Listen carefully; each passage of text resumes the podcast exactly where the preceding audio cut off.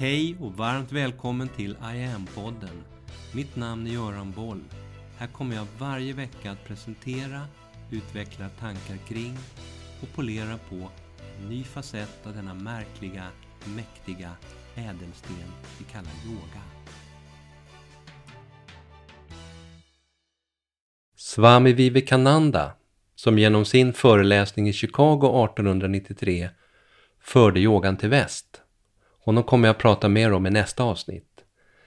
I sin bok Raya Yoga som kom 1896 och på svenska redan 1933 så beskrev han Patanjali Yoga Sutras och bidrog till att återuppliva intresset för en text som hade legat bortglömd i 700 år. Vem var då Patanjali? Vi vet idag inte mycket alls om honom som person. Det mesta är ren spekulation. Forskarna tvistar. En debatt har handlat om texten är resultatet av en eller av flera personers arbete. Det är antagligen så att han var en yogi som levde bland bergen i norra Indien någon gång vid vår tidsberäknings början, plus minus 300-400 år. Oavsett detta så skrev han initierat om yoga och filosofi. Han var den första som metodiskt och systematiskt nedtecknade yogans urgamla och tidlösa filosofiska budskap. Med sina texter så vävde han på ett väldigt komplett vis samman texter från Buddha och andra indiska visdomstraditioner till en integrerad helhet. En kraftfull syntes av neurovetenskap, filosofi och tidlös visdom. Många av de gamla indiska texterna och eposen, Vedaskrifterna, Upanishaderna, Mahabharata, Bhagavad Gita med flera, nämner återkommande yoga, men ingen specialiserade sig på yogans filosofi på det sätt som Patanjali gjorde. Hans 196 korta aforismer eller sutras blev en systematisering av yogisk filosofi som under medeltiden översattes till ett 40-tal olika indiska språk plus arabiska och javanesiska. Mellan 1100 och cirka 1800 så låg texterna i glömska men fick en ny uppmärksamhet igen, bland annat tack vare Swami Vivekananda. Patanjali menar, i linje med många andra vishetslärare genom historien, Buddha, Krishna, Jesus, Hermes, Zarathustra, Pythagoras, Sokrates, Platon med flera att huvudorsaken till all form av lidande är okunskap om vår verkliga identitet och en oförmåga att kunna skilja verkligt från overkligt. Enligt Patanjali är målet att stilla sinnets tankevågor så att en klar upplevelse av vad som är verkligt och sant respektive falskt kan uppnås. Då vi sedan födseln är genomsyrade av social programmering, mentala, känslomässiga vanor som påverkar sinnet så tar vi regelmässigt beslut som går emot vårt eget innersta, vilket skapar lidande. Detta har beskrivits som en form av sömn. Ett uppvaknande här innebär att se verkligheten som den är och därmed kunna ta rätt beslut i alla delar av sitt liv. Ett agerande i enlighet med sanningen kallas dharma och för oss från lidande och sökande efter njutning mot inre sanning och extas. Patanjali betonar betydelsen av att parallellt med fysisk yoga arbeta med sinnet, mindet, de egna attityderna. Målet är att stilla sinnet, skärpa dess funktioner och träna upp förmågan att lyssna inåt så att du kan följa ditt hjärta ditt innersta, själens röst. En sutra består av mesta möjliga filosofiska information, komprimerat till så få ord som möjligt. Bland annat för att underlätta den memorering som då var sättet att från lärare till elev sprida dessa texter. Patanjali Yoga Sutras är ytterligt kompakta informationsbitar, inga onödiga ord, knappt ens hela meningar används. De skulle memoreras. När de lärdes ut från mästare till elev förklarades de utifrån mästarens tankar kring varje sutra. Syftet var att transformera, skapa en djupare förståelse och medvetenhet om hur vi lever våra liv och ge möjlighet att göra förändringar när livet inte fungerar. Vissa aforismer är enkla och självklara, andra mer komplexa och kräver djupare kunskaper i yogans filosofi och terminologi för att få grepp om dem. De är sant yogiska så tillvida att de är personliga och experimentella. De beskriver universella erfarenheter som behöver upplevas på ett personligt plan. Att få svar på de stora frågorna kring liv och död, själens syfte, tillvägagångssätten som beskrivs i Patanjali Yoga Sutras leder dig framåt via egen personlig upplevelse. Yogan är tydlig med att du inte behöver en guru eller lärare mellan dig och upplevelsen av din egen själ. Enligt Patanjali behöver du vända dig inåt för att komma i kontakt med det stora och aforismerna är guider på vägen dit. Hur den positiva personliga transformationen skulle kunna ske beskrivs redan i sutra nummer 2 och 3. Lyder så här. Yoga innebär kontroll av sinnets tankevågor. Då vistas människan i sin sanna natur. Vi identifierar oss gärna med det yttre, med det vi gör där ute och hur omvärlden reagerar på oss. Utifrån Patanjalis perspektiv är allt det en illusion. Sinnets strävan att validera oss som separata individer när vi egentligen är integrerade delar av en större helhet.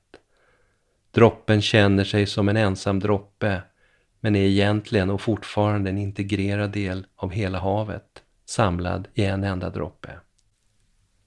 Att inse en större, djupare sanning och komma till full medvetenhet, det är vad yoga i sitt ursprung handlar om. Vägen dit går enligt Patanjali via åtta tydliga steg. Fem yamas, som handlar om att inte utföra olika onda handlingar. Fem niyamas, som handlar om att vara observant på i sig själv. Asanas, fysiska positioner. Pranayama, andningsövningar. Pratyahara, kontroll över sinnet. Dharana, koncentration. Dhyana, meditation. Och samadhi, självinsikt och full medvetenhet. De första två stegen, yamas och niyamas, yogans etiska, andliga riktlinjer och uppförande regler, sägs att de behöver tillämpas utifrån ett icke-beroende, en icke-beroende attityd. Dessa åtta steg i personlig utveckling och transformation kallas tillsammans för Raya-yoga. De yamas, som enligt Patanjali är goda grundregler för ett sunt och balanserat uppförande är följande. 1. Ahimsa, principen om icke-våld.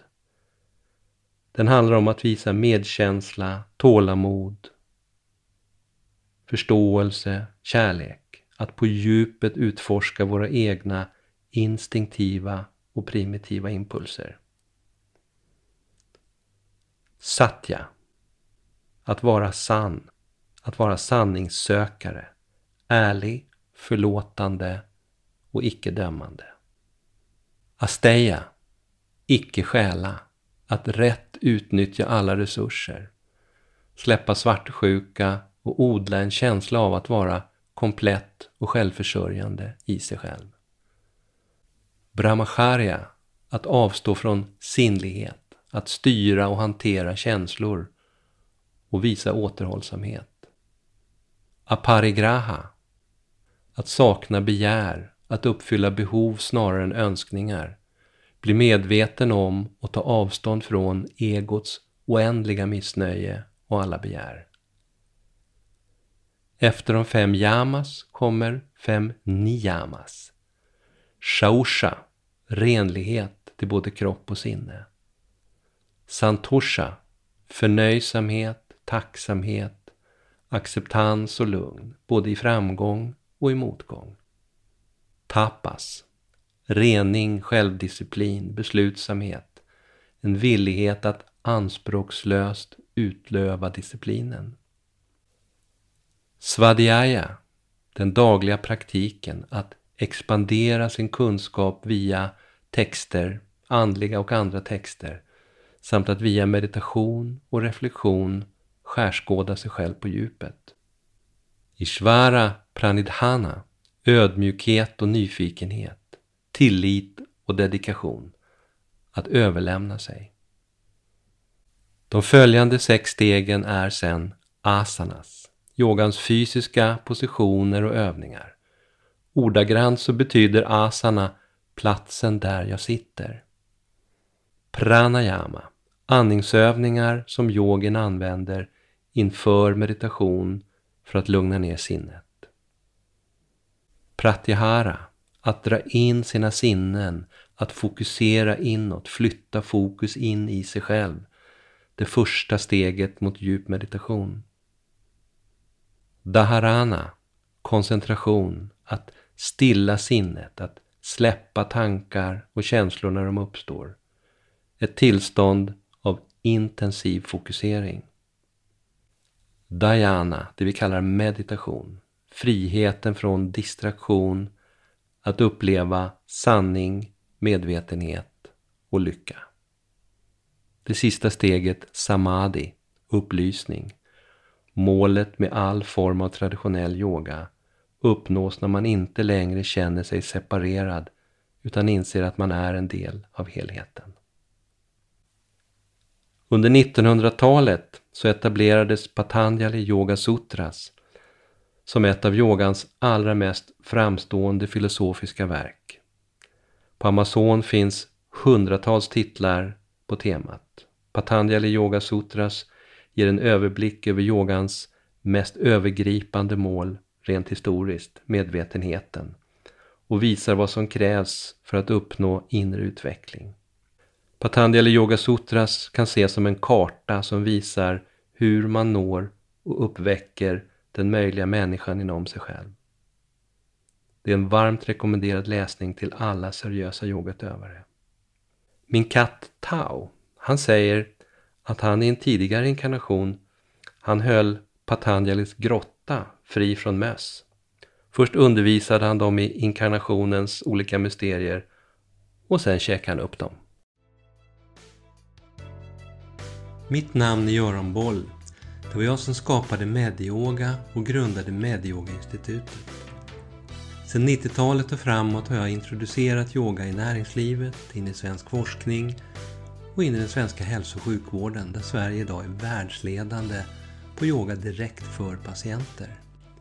Framtiden för mig handlar om I am. Yoga för medvetenhet och hälsa. Läs mer om kurser, online-träning, utbildningar med mera på hemsidan iamyoga.online. Följ oss gärna på sociala medier och tycker du om de här poddarna så tar jag tacksamt emot om du vill gå in på iTunes, Spotify och där poddar finns och ge mig ett betyg så vi blir fler som hittar in i yogans värld. Tack för att du lyssnar och delar.